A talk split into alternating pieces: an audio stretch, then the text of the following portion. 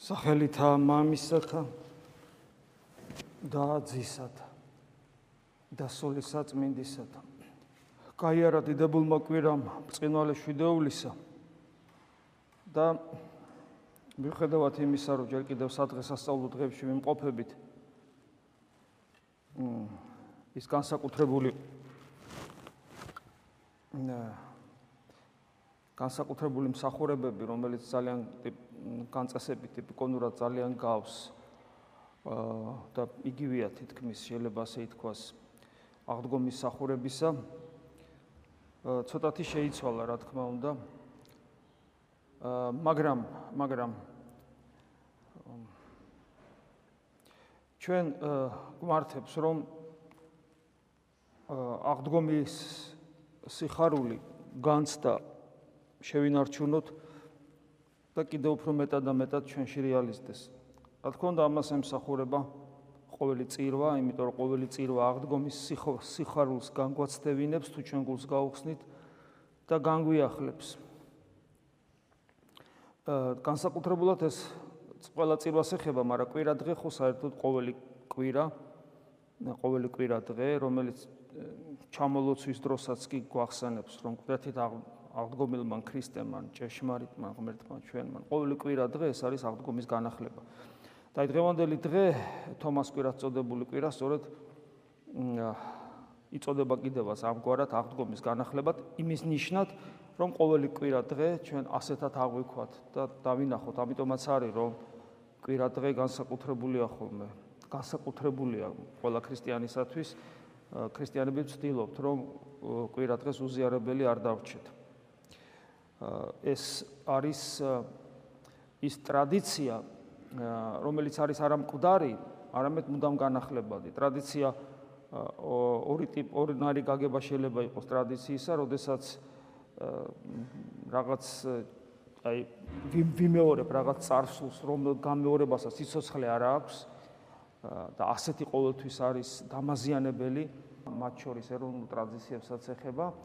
რომელიც ძალიან ხშირად მუხრუჭად იქცევა ჩვენი საზოგადოებისათვის. და ეკლესიის ისტორია მათ ისე სხვათაშორის ძალიან საინტერესო ფაქტები, როდესაც რომელიღაცა ერესი შექმნილა რომელიც რომელიღაცა ერესი მწვალებლობა ჩამოყალიბებულა ამა თუ იმ ადგილობრივი საეკლესიო ტრადიციის დოგმატის რანგში აყვანით და განვრცობით და ეს ეს ფაქტები ამგვარი ფაქტები არსებობს. მაგრამ არსებობს ტრადიციის მეორე გაგება, როდესაც ის სიцоცხლე, რომელიც მოგვეცა, თქვათ, თავის დროზე, ის სულიერი, თქვათ, მუხტი, რომელიც მოგვეცა და ის ღირებული, რაც რამაც გააკეთილშობილა ჩვენი ცხოვრება, როცა ის მუდამ მეორდება, მუდამ რეალიზდება, მუდამ მისი აქტუალიზირება ხდება და განახლება ხდება და ასეთი არის სწორედ აღდგომის გახსენება, ტრადიცია აღდგომის გახსენებისა, რომელიც სინამდვილეში არის არა გახსენება, არამედ კიდევ ვიმეორებ განახლება და კლავ რეალიზება იმის, რაც თავის დროზე ოდესღაც მოხდა. და კიდევ ვიმეორებ, თვითონ ეკლესიის სწავლება არის სწორედ ესეთი, ამიტომაც დღევანდელ კვირა დღეს აღდგომის განახლებასაც უწოდებენ, იგივე თომას კვირას, მაგრამ აღდგომის განახლებასაც. რა თქმა უნდა, ბუნებრივია ასე დროს ჩვენ კითხვა უნდა დავსვათ, რომ ეს გასაგებია, თქვა, სწავლება ესეთია, მაგრამ აი ჩვენ როგორ მოვიქცეთ, რა უნდა გავაკეთოთ იმისათვის, რომ ჩვენში მუდამ ხდებოდეს აღდგომის განახლება და ეს არ ყოფილიყოს რაღაც ერთჯერადი მდგომარეობა, ან წელიწადში ერთჯერ წელიწადში ერთხელ მომხდარი სიხარული, არამედ მუდამ ხდებოდეს ყოველ წირვაზე განსაკუთრებულად კვირა დღეს შემდგომ ყოველ წირვაზე და საერთოდ იესო ქრისტეს სახელის ყოველ გახსენებაზეც ადამიანს აღდგომის სიხარული უნდა ჩაეყვაროს გულში, მას უნდა მუდამ უნდა კონდეს ეს სიხარულის და მხიარულების განცდა. ეს არის ქრისტიანობა, ქრისტიანობა ამის გარეშე წარმოუდგენელია. დღევანდელი საკითხავი, რა თქმა უნდა, ჩვენ ბევრ ამაში დაგვეხმარება, თავისთავად ცხადია, როგორც ყველა სახარებისეული საკითხავი და აი ჩვენ ხედავთ, რომ ყდერთით აღმდგარი უფალი როგორ ეცხადება მოწაფეებს როგორ რას უსურებს? პირველი პირველი სიტყვა რა არის? პირველი სიტყვა რა არის? პირველი სიტყვა ეს არის დღევანდელ სახარებაში გახსოვთ მშვიდობის მშვიდობას უსურვებს მშვიდობა თქვენ და რა თქმა უნდა ეს მშვიდობა არ არ უნდა გვეგონოს ჩვენ რაღაც ფსიქოლოგიური მშვიდობა თქვათ მიწიერი მშვიდობა. ეს არის ის მშვიდობა რომელიც თავად ღმერთია. როცა უფალი ამბობს რომ ისწავლეთ ჩემგან რამე თუ მშვიდ ვარ და დაბალ გულით მშვიდობა რომელიც გამომდინარეობს ღვთისადმი მორჩილებაში გამომდინარეობს მოყვასისადმი სიყვარულში და სიფაქიზეში ურისხველობაში ცოცხალ რწმენაში ვლინდება, იმიტომ რომ თუ რწმენა არა გაქვს ცოცხალი, შესაბამისად არც იმედი არა გაქვს, შესაბამისად ვერც მრისხანებას ერევი, ვერც ეგოიზმს, ვერც ანგარებას, ვერც მიწიერ სულვილებს და რა ბუნებრივად არ არის მშვიდობა სულში არ გექნება. მაგრამ ეს ყველაფერი რეალიზდება მაშინ, როდესაც მშვიდობა არის რაღაცა ესეთი არა არა იდეა მშვიდობისა, არამედ თავად ქრისტე, რომელიც ჩვენს გულში მკვიდრობს. ამიტომ როცა უფალი მშვიდობას უსურვებს, ამით მადლს ანიჭებს მადლს ანიჭებს და ამით ჩვენ ფაქტიურად ესე იგი ჩვენ ჩვენი თავისათვის ვკითხულობთ და ჩვენი თავისათვის გვესმის რომ იმისათვის რომ ჩემში მუდამ იყოს განცდა მკვდეთი დამდგარი მაცხოვრისა პირველი რაც მე უნდა მქონდეს ეს არის საღმრთო მშვიდობა და ძალიან ადვილია იმის გაგება გვაქვს თუ არა საფრთხო მშვიდობა ნებისმიერ ექსტრემალურ სიტუაციაში ჩვენ ეგრევე ვავლენ თავს ჩვენი შინაგანი სამყარო იმ წამსვე თავის თავს ავლენს და ვხედავთ რომ გამოვდივარ წყობიდან, შფოთი შემოდის, ბრაზდებით მრისხანებთ, უიმედობა გვიპყრობს, და ასე შემდეგ და ასე შემდეგ. ვერ ვერ აწყნარებთ საკუთარ გულს. ვიცით რომ სის ხანდახან გონებით ვაკონტროლებთ რომ ხა სისულელია ესეთი მრისხანება და გაბრაზება და შფოთი მაგრამ ვერ ვერევით. ეს ნიშანია იმისა რომ ძალიან შორს ვართ ჩვენი მშვიდობისგან რომელსაც უნდა ვატარებდეთ იმისათვის რომ ყდათით აღდგარი მაცხოვრის განსთა ქონდეს იმიტომ რომ ყდათით აღდგარი მაცხოვარი იესო ქრისტეზეა საუბარი რომელიც არის მშვიდობა შვიდვარ, შვიდვარ, აი ეს არის. ანუ ის თუ ჩვენში თუ არის ქრისტე, მაშინ ჩვენში არის მშვიდობა. ჩვენში თუ არ არის მშვიდობა, არც ქრისტე არ არის. ამიტომ ჩვენ ყველაფერი უნდა გავაკეთოთ იმისათვის, რომ მშვიდობა მოიპოვოთ. ეხლა რა არის ამისათვის საჭირო? რა თქმა უნდა, სულიერი ცხოვრება, რა თქმა უნდა, ევქარისტიული ცხოვრება, რა თქმა უნდა, სწორი ლოცვითი პრაქტიკა, გონიერ ლოცვას გულისხმობ. რა თქმა უნდა, წმინდა წერილის კითხვა, რა თქმა უნდა, წმინდა მამების კითხვა და რა თქმა უნდა, თანამშრომლობა უფალთან. თანამშრომლობა რა კუთხით? ყოველი წამი როცა მე დავაფიქსირებ რომ ჩემში არ არის საფრთხო მშვიდობა იმ წამს ჩემი ნებელობით ჩემი ნებისყოფით ვერთვები ბრძოლაში. რომელიც რა თქმა უნდა არანაირი საკმარისი არ არის არანაირად საკმარისი არ არის რომ ჩემში მშვიდობა მოვიპოვო მაგრამ აი ჩემი ნებელობით როცა ვერთვები ბრძოლაში ამით ვაჩვენებ უფალს საქმით რომ მე მშვიდობა მინდა. ანუ ვიწყებ თანამშრომლობას უფალთან როგორც აა პავლე მოციქული გვასწავლის და სწორედ ეს არის ეს არის ასკეზა რასაც ქვია. ანუ ასკეზა ვარჯიში, ვავარჯიშებ საკუთარ თავს, ვავარჯიშებ საკუთარ თავს. ჩვენ საკუთარი თავის ვარჯიში უნდა შეგდოს. აი მაგალითად, ვიცი რომ ხვალე რაღაცა გასასწრელი მელოდება. მე უნდა ჩემ თავში დავიწყო ვარჯიში, რომ აი ხვალე რომ ეს მდგომარეობა და ეს ეს ეს ეს მდგომარეობა დადგება, რომელიც შეიძლება ჩემთვის ძალიან მძიმე და საცტური აღმოჩნდეს სულიერი თვალსაზრისით, როცა ესა თუ ის მოვლენები შეიძლება ასე დამგვარად განვითარდეს, აი ჩემ ცნობიერებაში მოდი განვავითარებ ამ მოვლენებს, აი ასე რომ მოხდეს მე რას ვიზავ, ასე რომ მოხდეს მე რას ვიზავ. ანუ მე ჩემ თავს განვაწყობ, ვავარჯიშებ იმისათვის რომ იქ რომ მოხდე, იქ ის ამბები თუ მოხდება ცუდი, მე მზად ვიყო ფსიქოლოგიურად. ეს ეს არის ასკეზა, ეს არის ვარჯიში, რომელიც რა თქმა უნდა არ შველის საქმეს, მით უმეტეს როცა ღრმა სულიერ თემებს ეხება, მაგრამ ეს არის კიდევ მეორე თანამშრომლობა უფალთან მზაობას ვაჩვენებთ რომ ჩვენ უფალო მზად ვართ რომ გიერთგულოთ ჩვენ საქმით როგორც შეგვილია ძალისებ და დანარჩენი უკვე შენი იმედი გვაქვს ან მაგალითად თორე ადამიანს უნდა სასულიერო პირობა. სულ ყოველთვის ვეუბნებით რომ შენ დღეს არ ახარ სასულიერო პირი შენ დღეს ხარ თქვა სტუდენტი მაგრამ იმისათვის რომ გახდეს სასულიერო პირი, შეხო იცი დაახლოებით წარმოდგენა ხო გაქვს, აი როგორი უნდა იყოს სასულიერო პირი, იდეალი, ბევრი ფილოსოფია არ გჭირდება, თავად იესო ქრისტეა, ხო, სასუ ჩვენი ღმერთთავარი, მაგრამ ჩვენ გარდა იესო ქრისტესი ვიცნობთ უამრავ წმინდანებს, რომლებიც ბაძავდნენ მას და მეტნაკლებად ავლენდნენ იმ თვისებებს, რაც სასულიერო პირს უნდა ქონდეს. და ჩვენ მისაბაძი მაგალითი ანუ ძალიან ბევრი გვაქვს. თუმცა მხოლოდ ქრისტეს აბსოლუტურად საკმარისია და ჩვენ უნდა ჩვენში აღზარდოთ ის თვისებები ის ადამიანი, რომელსაც ის თვისებები აქვს, რომელიც სასულიერო პირს უნდა ქონდეს. რა თქმა უნდა, ეს ადულად არ გამოდის და პრინციპში არს გამოდის, მაგრამ კიდევ ერთხელ მიმეორებ, ეს არის ვარჯიშის პროცესი, რომ საქმე საქმეზე რომ მიდგება და თუ ეს დრო დადგა და ხელდასხმა მივიღე, ჩემი შინაგანი სამყარო მზად უნდა იყოს იმისათვის, რომ მე ვიტვირთო ეს უდიდესი პასუხისგებლობა, რასაც ქრისტეს მღვდლობა ქვია, რომელიც არის კიდევ მეორე უდიდესი უდიდესი პასუხისგებლობა და წინასწარ მომზადებს საკუთარ თავს ამისათვის და ასევეა ზუსტად ნებისმიერ სათნოების მიღწევაში, მათ შორის სიმშვიდის მიღწევაში, ანუ გჭირდება ასკეზა, ანუ მუდმივი ვარჯიში, რომ ესათვის სათნოება ჩვენი გახდეს, ჩვენი საკუთრება გახდეს. თუ ჩვენ ამას არ გავაკეთებთ, აღდგომის სიხარულის განცდა არ გვექნება, იმიტომ რომ ეს სიხარული არ არის რაღაც აბსტრაქტული სიხარული ან რაღაც განყენებული სიხარული ღმერთისგან, ეს თავად ქრისტეა. თავად ქრისტეა. ცოცხლობს რეალურად იესო ქრისტე როგორც ღმერთი რეალურად რეალურად უნდა ცოცხლობდეს ჩვენში. და თუ რამე ღირებულება გაგვაჩნია, ყველაფერი აბსოლუტურად ჩვენ ხო სოციუმში ტრიალებ, ჩვენ ხო ადამიანი გვიყვარს, ჩვენ ხო უამრავი რამეა ესეთი, რომელიც ღირებულია ხო? ეს ყველაფერი, ყველაფერი რეალიზდება მხოლოდ ქრისტეთი. ქრისტეს გარეშე არაფერი არ არსებობს, არაფერი არ არსებობს. ამიტომ, როდესაც ჩვენ ფიქრობთ, რომ ან უпроსორედ გულარხეინობას ვავლენთ, როცა ჩვენ ხვდებით, რომ ჩვენში ქრისტე არ არის, მაგრამ ნუ ესე ცხოვრობთ, როგორც ცხოვრობთ, ეს არის საკუთარი თავისთვის განაჩენი. მით უმეტეს მორწმუნესათვის. იმიტომ რომ უწმონო მე ხა არაფერი არ იცის. ჩვენ ხო ვიცით? და რატო ვეგუებით? და ვეგუებით. და ამიტომ არის რომ ეკლესია ყოველ განახლებით პასექის განახლებით აღდგომის განახლებით ყოველთვის ყოველთვის გვაიძულებს კაიგაგებით გვაიძულებს რომ რომ ჩვენ ჩვენში მუდამ იყოს ეს ცდელობა რომ მოხდეს აქტუალიზება აღდგომისა განახლება აღდგომისა. ანუ ჩვენ სულ მუდამ ვარჯიშობდეთ და ერთ-ერთი რაც თქვით აგერ ეს არის ის რომ ჩვენ უნდა გქონდეს სახუმთო მშვიდობა სახუმთო მშვიდობა იმიტომ რომ აღდგომა, აი შეიძლება ადამიანად თქვას, ესე მე პატით ამდგარ მაცხოვარს გულში ვატარებ და უხარია.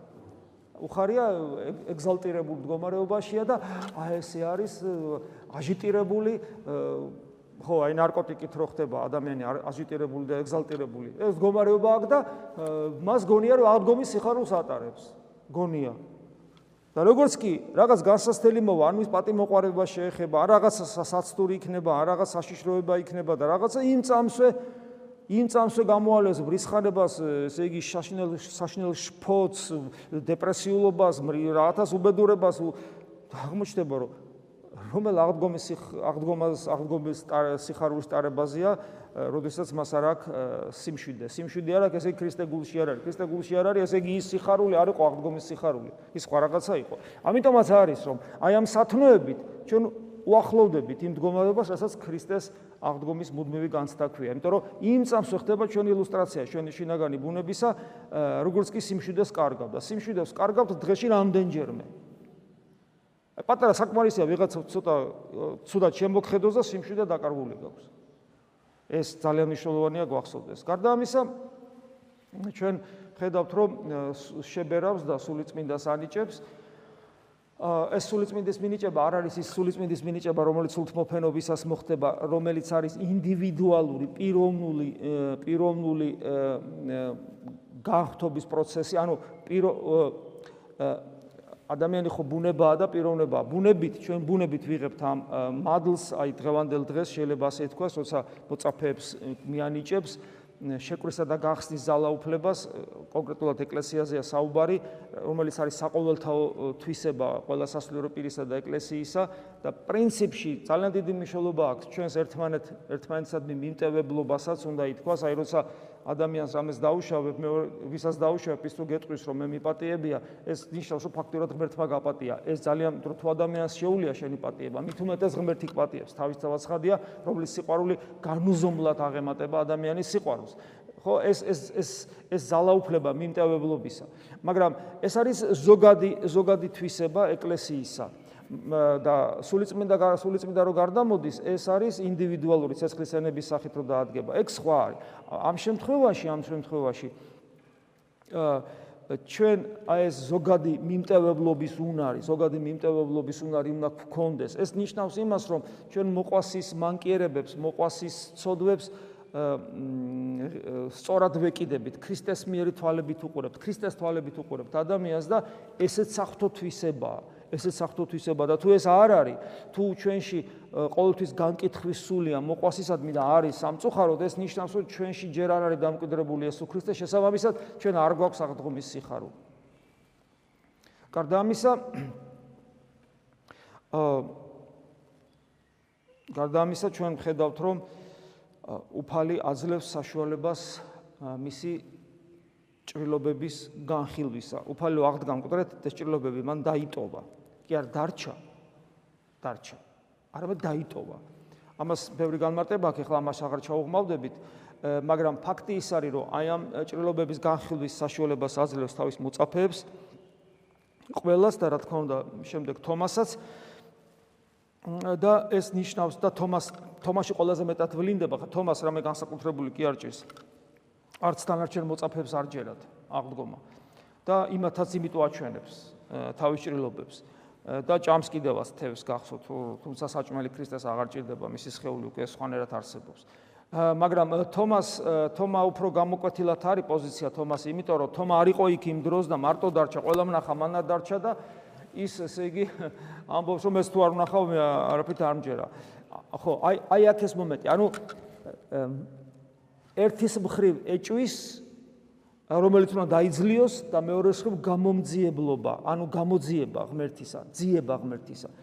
ორივე ჩვენს გჭირდება. ჩვენში უამრავი ეჭვია. ჩვენ თუ ფიქრობთ, რომ ჩვენ ეჭვი არ გვაქვს წმენაში, ეს ხიბლის მდგომარეობა, მე მინდა გითხრათ, რომ უბრალოდ ასეთი ადამიანი არ არსებობს. ეხლა იოსების იქას რო ქონდა ეჭვი, ესე იგი როგორ შეგიძლია რომელიმე შეგვილია ჩვენ რომელიმე ჩვენგანს თქვას, რომ სიცოცხლის ბოლოს იოსების იქას ქონდა ეს ბრძოლები, რომელ როგორ შეგვიძლია რომელიმე ჩვენგანს თქვათ რაღაცა დადასტურებულად თქვას რომ მას არანერი ეჭვი არ აქვს და არაფერში ეჭვი არ ეპარება. ეს არის ჩვეულებრივი ხიბლის მდგომარეობა, ასეთი მდგომარეობა გამოიწდება მე ღვთისაგან დადგება თქვენ ცხოვრებაში თუ ეს მდგომარეობა გაქვთ რომ არა კაცო მე ყველაფერში დარწმუნებული ვარ არანერი ეჭვი არ მაქვს თუ ეს გულარხენი დამოკიდებულება გაქვთ თქვენს მიმართ იცოდეთ რომ თქვენ ცხოვრებაში დადგება მომენტი როცა ძალიან გამოიწდება თქვენი რწმენა და თხილად იყავით შეიძლება რწმენა დაკარგოთ კიდევაც ასეთი თავხედური დამოკიდებულების გამო და ასეთი ამპარტავნული განწყობის გამო რომ არა კაცო მე მე 100%-იანი ვიცი ახლა პრობლემა არ არის. ეს არის ძალიან ძალიან ხიფათი შემცველი. აი პეტრე მოციქული გამახსენდა ახლა და ასე შემდეგ. ასე რომ ფრთხილად უნდა ვიყოთ. მაგრამ მეორე ხრივ მეორე ხრივ ეჭვის არსებობა თუ ადამიანი ამას გონიერად შეხედავს. ეს არის ძალიან სასარგებლო რამ. ეჭვი ეს არის სიბნელე რწმენის სინათლეში როგორც სინათლე ფიზიკური არ არსებობს სიბნელის garaშე და მეტნაკლებად გარეთ უფრო ნათელია ვიდრე აქ და ესე იგი აქ სიბნელე მეტია ვიდრე გარეთ და ასე შემდეგ. ასევე არ წმენასთან დაკავშირებით. წმენა მუდამ ცვალებადია და ეჭვის სიბნელე მას ნელ ხან სინათლეს ართმევს ხან ეჭვი მცირდება და სინათლე რწმენის სინათლე იმატებს ეს ჩვენს წინაშე არსებული რეალობა არის იმიტომ რომ ჩვენ ჩვენი არჩევანისათვის რომ ღმერთი გვინდა და იესო ქრისტე გვინდა ვიბრძოლოთ. ვიბრძოლოთ და ვებრძოლოთ ვებრძოლოთ ეჭვებს. ეჭვებთან ბრძოლა ეს არის ჩვენი ღირსება ქრისტიანული და ჩვენი რწმენის დასტურება რომ ჩვენი მოწამეობრივი ღვაწლია შეიძლება ასე ითქვას ჩვენ რა მოწამეობრივი ღვაწლია ზოგადად საქმე სამყაროში როდესაც ჩვენ საკუთარ თავს ხშირად ვერ უდასტურებთ რომ იესო ქრისტე ღმერთია და როგორც კი განსასწრელი ჟამს გული შეგვეჭმხნება და ვაიმე რა მეშველება, იცოდეთ რომ იმ მომენტში შენთვის ქრისტე ღმერთი არ არის. შენ არ გწამს იმ მომენტში ქრისტე რო ღმერთია. ეს ეს იმიტომ რომ თუ ქრისტე გწამს რო ღმერთია, მაშინ რა რატო გეშინია? ხო შეგოიცი რომ ერთი ღერთ მარ ვარდება შენი თავიდან და თუ ვარდება, ესე იგი მისინება, თუ მისინება უნდა სიხარულით მიიღო, იმიტომ რომ მისინება სიყვარულით ახსავსია და შენზე ზრუნვით სავსია. ეს ხო ეს ეს ხო ესია, მაგრამ ჩვენ ხო ვიცით რომ ასე ასე არ არის ხშირად, შესაბამისად ეს ნიშნავს იმას, რომ ჩვენი ეჭვები უნდა ჩვენ ეჭვებთან უნდა ვიომოთ და ვიბრძოლოთ. ეს არის ჩვენი ღირსება რწმენისათვის ბრძოლა და არ მოვა აღდგომის სიხარული ჩვენში თუ ეჭვების წინააღმდეგ არ ვიბრძვით. და გამომეძიებლობა. აი თომა ხო ხედავ არისვენებს, არისვენებს თომა სანამ არ ვიხილავ, სანამ არ შევეხები. ერთის ხრივ ჩვენ შეიძლება მხოლოდ ის გავიხსენოთ უფალიონება ურწმუნონო ხარო და მეორეს ხრივ გავიწყდება რომ გავიწყდება რომ ესეთი გამომეძიებლობა რომ შენ გინდა შეეხო ეს არის ნამდვილი ცოცხალი და სწორი სურვილი. აგო წმინდანებიც ესე გვასწავლია სიმონ ახალი ღვთისმეტყველი. ხშირად მომყავს მე ამ წმინდანის მაგალითი, იმიტომ რომ ეს გამოკვეთილად საუბრობს ამ თემებზე ძალიან ბევრს. რომ ესე განცდის დონეზე უნდა გქონდეს აა უნდა განიცდიდა შენში ქრისტეს ყოფობას. უნდა განიცდიდი ამას. თუ ესა განცდის დონეზე არა გაქვს, შენ ქრისტიანი არ ახარ. და რას ნიშნავს განცდის დონეზე? აი თომა მოციქულის მდგომარეობას ნიშნავს. მან ო ხა ეს გასაგებია ეს შეხებით ხდება მაგრამ საბოლოო ჯამში გულში დასტურდება ხო იმიტომაც არის მოუდრექს მუხს და იწვის უფალი ჩემი და ღმერთი ჩემი და ეს აღიარება უფალი ჩემი და ღმერთი ჩემი არის ის აღიარება რომელიც ჯერ გაცნობიერებული არ ქონდათ არავის არც მოციქულებს ეს უფრო ინტუიციური ინტუიციური მდგომარეობა იყო ადამიანების, მაგრამ ეს არის ძალიან მნიშვნელოვანი. მე იმის მერე გავიდა 2000 წელი და ეკლესია სულ იბრძოდა აი ამ სულიერი ინტუიციის დადასტურებისათვის, დამტკიცებისათვის, სიტყვებში ფორმულირებისათვის, მისი ვერბალიზაციისათვის, დოგმატის რანგში აყვანისათვის, რომ იესო ქრისტე არის ღმერთი და ადამიანი ერთდროულად. იესო ქრისტე არის ის ღმერთი, რომელიც ჩვენ გვწამს, რომელმაც galaktikები და სამყარო შექმნა, აი ეს ღმერთია ზუსტად იესო ქრისტე. რომ პირველულად იესო ქრისტე ადამიანი არ არის, ის არის პირველად ღმერთი და მან მიიღო ადამიანობა და მას აქვს ღვთაებრიობა. მაგრამ პირველად არის ღმერთი სამყაროს შემოქმედი, მამასთან და სულიწმინდასთან ერთად. და ეს აღსარებლობა, ეს აღსარებლობა. ნახეთ, თომასთან ინტუიციურად მიდის. მაგრამ მიდის იქიდან რომ მან აღდგომა განიცადა. თავისთავად აღდგომა, აღდგომა უკვე, უკვე ნიშნავს იმას, თუ აღდგომის განცდა გაგძლიერი, რომ შენ ეს წმენა დიდწილად უკვე გააქვს, რომ იესო ქრისტე არის სამყაროს შემოქმედი ღმერთი. ეს ამ წმენის გარეშე ცხონება არ არსებობს. ეკლესიის ისტორიაში გადახედავ, სასტიკი ბრძოლა იყო აი ამ სიმართლის დადასტურებისათვის. ეს ეს იყო აი რომ გადახედავ ეკლესიის ისტორიას უბრალოდ ხელები შეგილია გაშალდა თქვა რა რა უცნაური რაღაცა? როგორ უნდა გაემარჯვა მართმადიდებლობას მაგალითად არიოზილობის წინააღმდეგ ნესტორიანობის წინა. როგორ უნდა გაემარჯვოს ნესტორიანობას და არიოზოლობას? კაცილებით უფრო ლოგიკურად ჩამოყალიბებული მოძღვრებები იყო, მათ უკან საკმაოდ სერიოზული ნესტორიანობის წინააღმდეგ პატრიარქი იდგა, არიოზოლობის წინააღმდეგ ძალიან განათლებული სასულიერო პირი იდგა. ესენი ორივე ეფუძნებოდა გარკვეულ ადგილობრივ ტრადიციებს. ესენი იყვნენ, ესე იგი, ზნეობრივად მაცხოვრებელი ადამიანები და ასე შემდეგ და მათი მიმდევრებიც იყვნენ გულშემატკივარნი ეკლესიისა და გუმხურვალენი და ესე იგი სიკვდილზე წამსვლელები ისე იცავდნენ თავიანთ პოზიციას და რწმენას და ლოგიკურიც იყო მათი მოძღვრებაც. რატო არ უნდა გაემარჯვა? მაგრამ ვერ გაიმარჯვა. იმიტომ რომ ღმერთი იყო ჩარეული აშკარად და ისინი ძალიან ხშირ შემთხვევაში ეს ხალხი რომელიც ხარს უჭერდა ამგვარ ლოგიკურ მოძღვრებებს ეს ხალხი იყო გაუნათლებელი გაუნათლებელი სხვათა შორის აი თეოლოგიური განათლების მნიშვნელობაც აი აქ არის როცა არიოს დაუპირისპირდება ათანასე დიდი, ათანასე დიდი უგანათლებულესი ადამიანი იყო თავისი დროის. და მისი აზროვნების ჰორიზონტი იყო ძალიან ფართე და ძალიან ვრცე და არიოზის ვიწრო შეზღუდული. და არიოზი ვერ ხვდებოდა თელ რიგ რაღაცებს წმინდა წელში, ათანასე ხვდებოდა, იმიტომ რომ ძალიან დიდია, ათანასე დიდად, ესეც იწოდება ალექსანდრიის პატრიარქია ფაქტიურად, თავარეპისკოპოსი. ესმით, ანუ მისი იმის თქმა მინდა რომ მართლმადიდებლობის გამარჯვება ორ რამემ განაპირობა, რომ ქრისტე რო ღმერთია სრული. ორ რამემ განაპირობა, ერთი იმან რომ ღვთის მადლი აშკარად მოქმედებს ეკლესიაში და მეორე ის ადამიანები, რომლებიც მართლმადიდებლობას იცავდნენ, არ იყვნენ ფანატიკოსები, გონება შეზღუდულად არ უყურებდნენ წმენას. ისინი იყვნენ ძალიან ფართოდ მოაზროვნე ადამიანები და ისინი გლობალურად ხედავდნენ ქრისტიანობას. დიადი აზროვნება ქონათ ამ ადამიანებს. აი დაახლოებით ისეთი აზროვნება ქონათ, რომ დღეს ესეთი აზროვნების ადამიანი გამოჩნდეს, შეიძლება ფანატიკოსებმა ეკლესიაში ჩაქოლონ უბრალოდ. მათ ახალი ტერმინები შემოიტანეს. წარმოე ათანასიდმა ახალი ტერმინები შემოიტანა, რომელიც წმინდა წერილში არ არის, რომელიც ღვთის გამოცხადებით, ღვთის გამოცხადებით ეს ტერმინები არ არსებობდა და წარმართული სამყაროდან შემოიტანა. ვინ აპატიებდა ათანასე დიდს? ვინ აპატიებდა დღეს რომ დაბადებული იყო მაგალითად საქართველოში? რას უზავდნენ მას ზოგიერთი ადამიანი. ანუ გესმით, ეს ძალიან მნიშვნელოვანია, რომ გვახსოვდეს ეს კიდევ ერთხელ მიგვანიშნავს განათლების აუცილებლობაზე, აუცილებლობაზე. და მესამე ყველაზე მთავარი მართლმადიდებლობას უარ გაემარჯვა, ჩვენთვის ცხონება მთავრდებოდა, რომ ცხონება ნიშნავს განღმრთობას.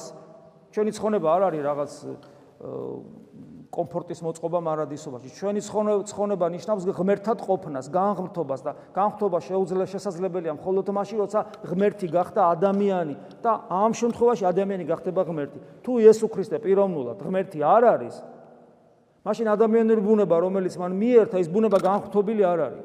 შესაბამისად, მე ვეზიარები რა ღმერთს ადამიანის განხთობილ ადამიანური ბუნების მიერ ჩემი განხთობაც არ მოხდებოდა თავისთავად ცხადია აი ეს არის და აი აღდგომის განახლება ნიშნავს სწორედ აი ამ რწმენის გაცოცხლებას კიდევ ერთხელ. ჩვენ გულში ღმერთს ვატარებთ და ჩვენ რო ვეზიარებით ღმერთს ვეზიარებით. და კიდევ რა თქმა უნდა ერთი მნიშვნელოვანი ეს არის დახშულ კარებში შესვლა რა თქმა უნდა ეს ისტორიულადაც ესე ხდებოდა იმიტომ რომ მას მისი ქრისტეს აღდგომით აღდგარის არა ყრეთით აღდგარის ხეული არა ზოგადად უფრის ბუნება ასი ავლენს ახლა თავს იმიტომ რომ ჩვენ ვიცით რომ მისი შობა განაპირობებს მარიამის ქალწულად დარჩენას ანუ აი როგორც ძველ აღთქმაში სიმბოლური სახეთ ანუ კარებში გაიარა და ეს კარები ისევ დახშული დარჩა მსგავსი რაღაც არის ანუ ქრისტე ჩვილობაშიც იგივე თვისებებს ატარებს რაც აღდგომის მერე უბრალოდ ეხლა მის მის დემონსტრირებას ახდენს უფრო უფრო მკვეთრად, უფრო ძლიერად, როცა დახშულკარებს შემოდის, რომ მათ მათი დამოკიდებულება, მოწაფეების დამოკიდებულება შეცვალოს. საკუთარი თავის მიმართ, მაგრამ ჩვენთვის ეს რა თქმა უნდა სწავლებაა, იმიტომ რომ ჩვენ ყოველას გვაქვს დახშული კარები, ეს არის საკუთარი გული, სადაც ჩვენ ქრისტეს არ უშვებთ. ქრისტეს არ უშვებთ და ჩვენ ეს უნდა ვიცოდეთ და ისიქასტური პრაქტიკის გარეშე ამას ვერ მიხვდება ვერც ერთი ადამიანი. გამორიცხულია, რომ ადამიანმა თუ არ იმუშავა გულზე, რომ ქრისტეს კარები გაუღოს და ამ ეს არის სწორედ ისიქასტური პრაქტიკა, ადამიანი ვერ ხვდება, რომ მისი გული დაკეტილია. მან თეორიულად იცის, იმიტომ რომ კითხულობს და ენდობა წმინდა მამებს, მაგრამ საკუთარ თავზე საკუთარი გამოცდილებით არ იცის. აი საკუთარი გამოცდილებით რომ მივხვდებით, რომ ჩვენი გული დაკეტილია ძალიან მყარად და მტკიცეთ და ქრისტეს იქ არ უშვებთ, ჩვენ ამ დროს გვეძლებ და იმედს ვკარგავთ. იმიტომ რომ გადის 1 წელი, 2 წელი, 5 წელი, 10 წელი, 15 წელი გრძელდება, ვბერდებით, სიკვდილი ახლოვდება და გული არ იხსნება. ჩვენ გვაქვს იმედი, იმედი, რომ უფალი ამ დახშულ კარებში შემოვა. ჩვენ ვერ ვაღებთ შემოვა. როდის თვითონ ინებებს? როცა აი მაგალითად მოციქულები თომა ელოდებოდა სანამ არ სანამ უნდა აი თომასთვის ატო გაიღო ეს კარები. იმიტომ რომ თომას თელი ცხოვრება, აი ის 8 დღე, ხო, 8 დღე და ზოგისთვის 8 დღეა, ზოგისთვის 80 წელიწადია, მაგრამ აი ის მისი 8 დღე იყო კონცენტრირებული, მობილიზებული, სანამ ხელს არ შევახებს, ყველა მნახა თვითონ ყველა წამს, მას არა წამს, გამწარებულია და სანამ ხელს არ შევახებს, სანამ არ ვიხილა აი ამ წარმოგიდგენიათ როგორ შეიძლება ყოფილიყო თომა, როგორ თან გულხურვალია თომა. თომა როგორი გულხო გახსოვთ სახარებაში, წავიდეთ მასთან ერთად მოუკვდეთ აი ესეთი ერთგულება აქ უფლისადმი და აი ამ მობილიზებული, კონცენტრირებული, მეტი არაფერი არ ახსოვს. ალბათ ელბა არ ჭამდა, არ ცვალდა, ვინიც ის აი მობილიზებული, კონცენტრირებული, რომ აუნახელი შევახო, მეც მინდა ვნახო. და დახშულ კარებში შევიდა უფალი. ასე რომ ჩვენს დახშულ კარებში ჩემოვა უფალი, თუ ჩვენ ბრძოლაში, რომ მოვიპოვოთ ჩვენში კვეთით აღდგარი მაცხოვარი ჩვენში ყოფნის უფლება, ჩვენი გული რო გაიხსნას ამისათვის, ჩვენს ჩვენი ბრძოლას დაგვირგვინდება გამარჯვებით, იმიტომ რომ დიახაც ქრისტე შემოვა ჩვენი გულის დახშულ დახშულ კარებში და ჩვენს გვეტყვის შვიდობას და ჩვენს მოგვაკიდებინებს ხელს და ჩვენ აი მეરે უკვე, როცა გვექნება განცდა ცოცხალი მისი როგორც ცოცხალი ღმერთისა ჩვენში, ჩვენს დავემხობით თომა მოციქულთან ერთად და ვიტყვით უფალი ჩემი და ღმერთი ჩემი, ანუ ვაღიარებთ მას სრულ ადამიანად და სრულ ღმერთად. რომელიც არის ჩვენი ცხონების და განხრობის და იქნება ჩვენი ცხონების და განხრობის დასაწყისი. აი ეს არის აღდგომის განახლება, ასე უნდა ვიცხოვროთ ჩვენ ყოველ კვირა დღეს, ასე უნდა ვიცხოვროთ ყოველ წირვაზე, ასე უნდა ვილოცოთ, ამგვარი განწყობით უნდა ვილოცოთ ყოველთვის და საერთოდ ასე უნდა ვსუნთქავდეთ და ასე უნდა გვიცემდეს გული. ამინ. ქრისტე აღსდგა.